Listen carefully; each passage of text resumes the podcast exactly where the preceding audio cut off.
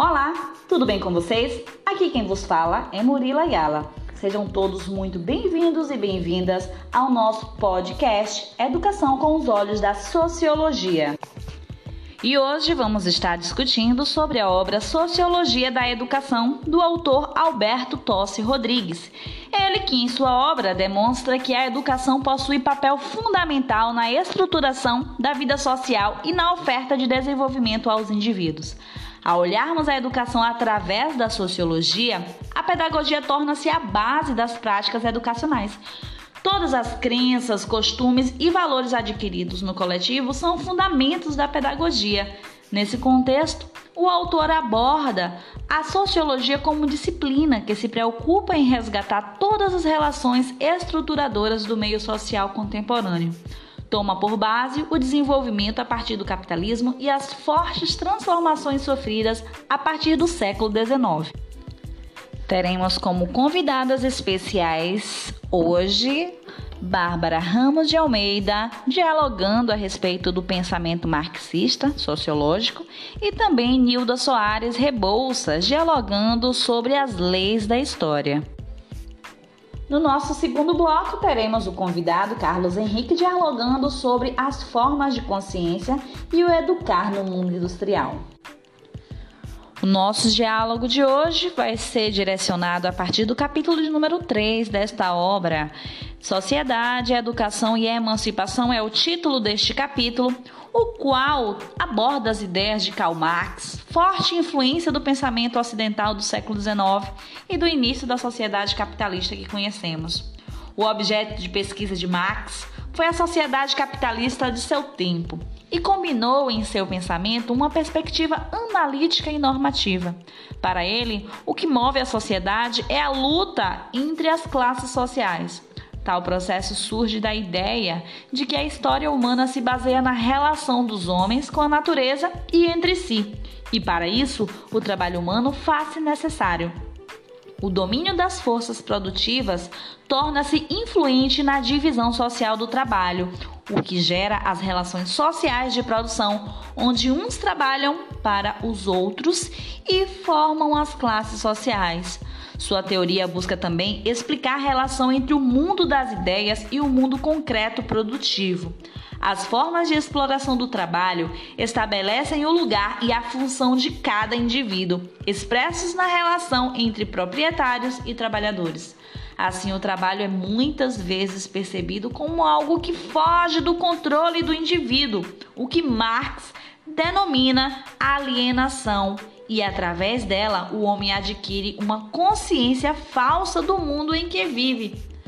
Não vendo outra saída, o indivíduo comporta-se de acordo com o sistema, seguindo a ideologia dominante. Mas apesar de todos esses conceitos baseados na produção capitalista, o autor acreditava numa revolução social e política que daria origem à sociedade comunista, algo utópico ao considerar nossa atual organização. No contexto educacional, Marx via este processo como uma das mais importantes formas de perpetuação da exploração de uma classe sobre a outra, pois é através dela que as ideologias são inculcadas e a opressão é perpetuada. A preocupação da educação deveria então ser o rompimento da alienação do trabalho, conduzindo efetivamente à emancipação do sujeito. Ele acreditava ainda que as crianças deveriam combinar o trabalho e a educação em sua formação integral e defendia um ensino público igual para todos, excluindo o ensino estatal tendencioso. Então é nessa perspectiva que a gente vai dar início ao nosso diálogo. Seja muito bem-vinda, Bárbara Nilda, e muito bem-vindo, Carlos Henrique.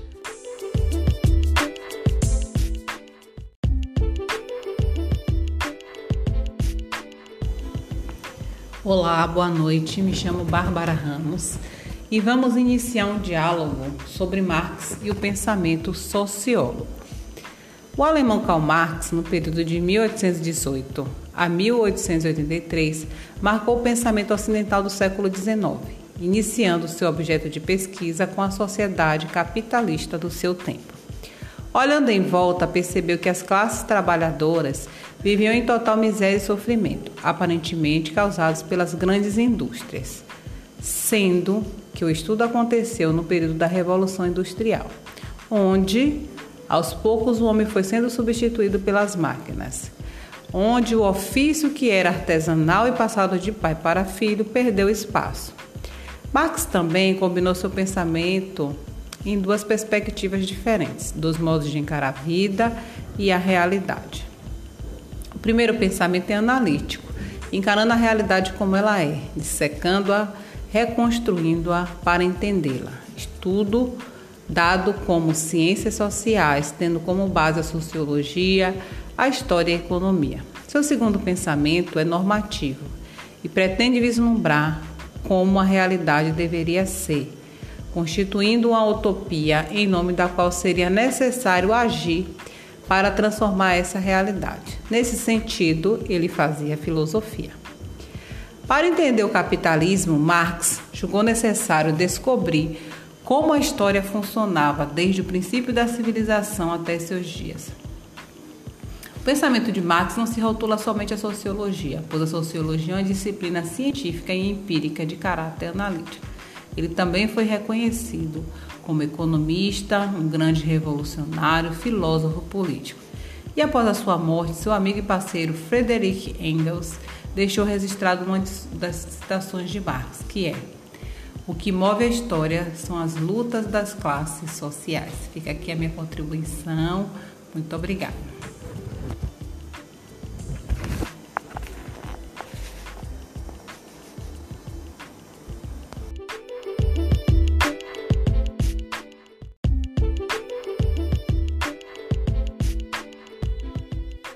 Marx acreditava que o que move a história é a luta entre as classes sociais. Agora, vamos tentar entender como ele chegou a essa conclusão. Marx e Engels entendiam que o trabalho intermedia a relação entre o homem e a natureza, transformando-a. Intermedia a interação entre o homem e outros homens, gerando uma estruturação da sociedade. Ao longo da história, o trabalho humano foi se aperfeiçoando com desenvolvimento de tecnologias e métodos que aumentaram a produtividade. Marx chama a capacidade humana de realizar trabalhos eficientes de forças produtivas.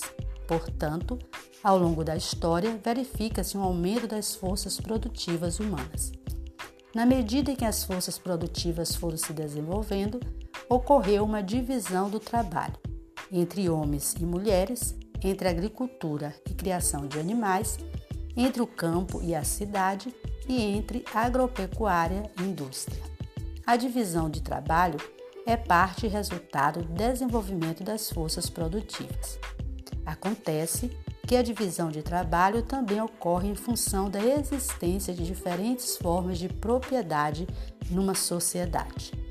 Para Marx, numa dada sociedade, existe aqueles que têm os meios ou instrumentos de produção e aqueles que trabalham para os que têm os meios de produção. Essa divisão é o que ele entendia como a base das desigualdades sociais. O modo de produção em cada sociedade pode variar, podendo ser melhor ou pior, mas preservando as relações de propriedade e as relações sociais de produção resultante dessas. Desse modo, toda a sociedade em que ocorre essa divisão apresentará algum nível de desigualdade. Ao longo da história, destaca-se três modos de produção.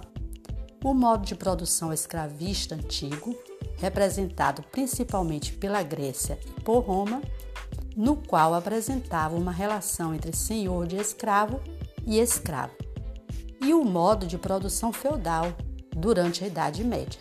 Opunha os senhores feudais e os servos, e por fim, o modo de produção capitalista, em que os burgueses exercem domínio sobre os proletários através do assalariamento.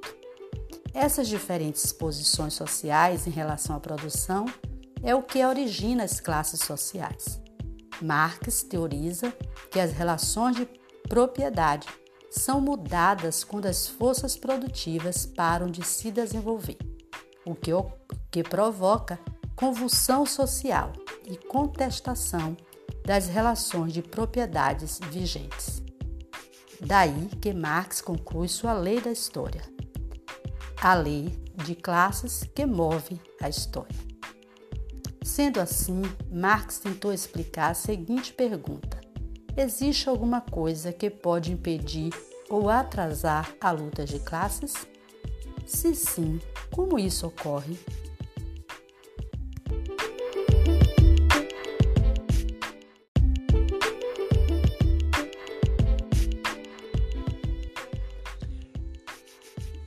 Educar no mundo industrial. A partir dos estudos de Rodrigues, podemos concluir que Marx conceitua o processo de industrialização no século XVIII como nova ordem capitalista e, nesse contexto, a escola passa a ter a função de reproduzir a ideologia dominante. De forma mais simplista, podemos dizer que essa ideologia seria o modo de ver o mundo segundo a visão do patrão fazendo com que os trabalhadores tivessem mais dificuldade de entender o processo de expropriação que passaram com a divisão do trabalho, tendo maior dificuldade também no, na formação política. Vale salientar que com o processo de industrialização, o trabalhador perde o conhecimento sobre o sistema de produção, pois com a divisão do trabalho ele passou a desempenhar uma função específica e a esse processo Marx classifica como alienação e com o aumento da população inicia uma nova forma de produção para tentar atender às novas demandas de mercado. Principalmente com a expansão marítima, surge a manufatura e o artesão perde o controle de suas ferramentas e da produção, passando a trabalhar para um comerciante. Marx propõe por meio da educação, fazer um enfrentamento à divisão do trabalho, fazer um enfrentamento à expropriação do processo de produção e, principalmente, fazer um enfrentamento ao sistema de alienação da classe trabalhadora. Para tanto, ele nos sugere um processo educacional em três dimensões: aprendizado mental, aprendizado físico e o aprendizado tecnológico. Seguindo essas dimensões, o processo de desalienação seria possível, pois a participação das crianças e jovens no mundo do trabalho, conhecendo o processo de produção relacionado com os conhecimentos elementares intelectuais e associado com a educação do corpo, formaria assim um indivíduo integralmente desenvolvido. Diante do exposto, podemos destacar pelo menos duas grandes contribuições na perspectiva marxista para a educação. A primeira seria a crítica sobre o processo de produção capitalista, sobretudo na divisão do trabalho e seus reflexos no processo de alienação por meio das ideologias dominantes. Já a segunda contribuição tem como base uma nova sociedade social, como forma de superação das desigualdades a partir de uma nova estrutura organizativa da sociedade, onde todos terão responsabilidades, mas todos terão direitos.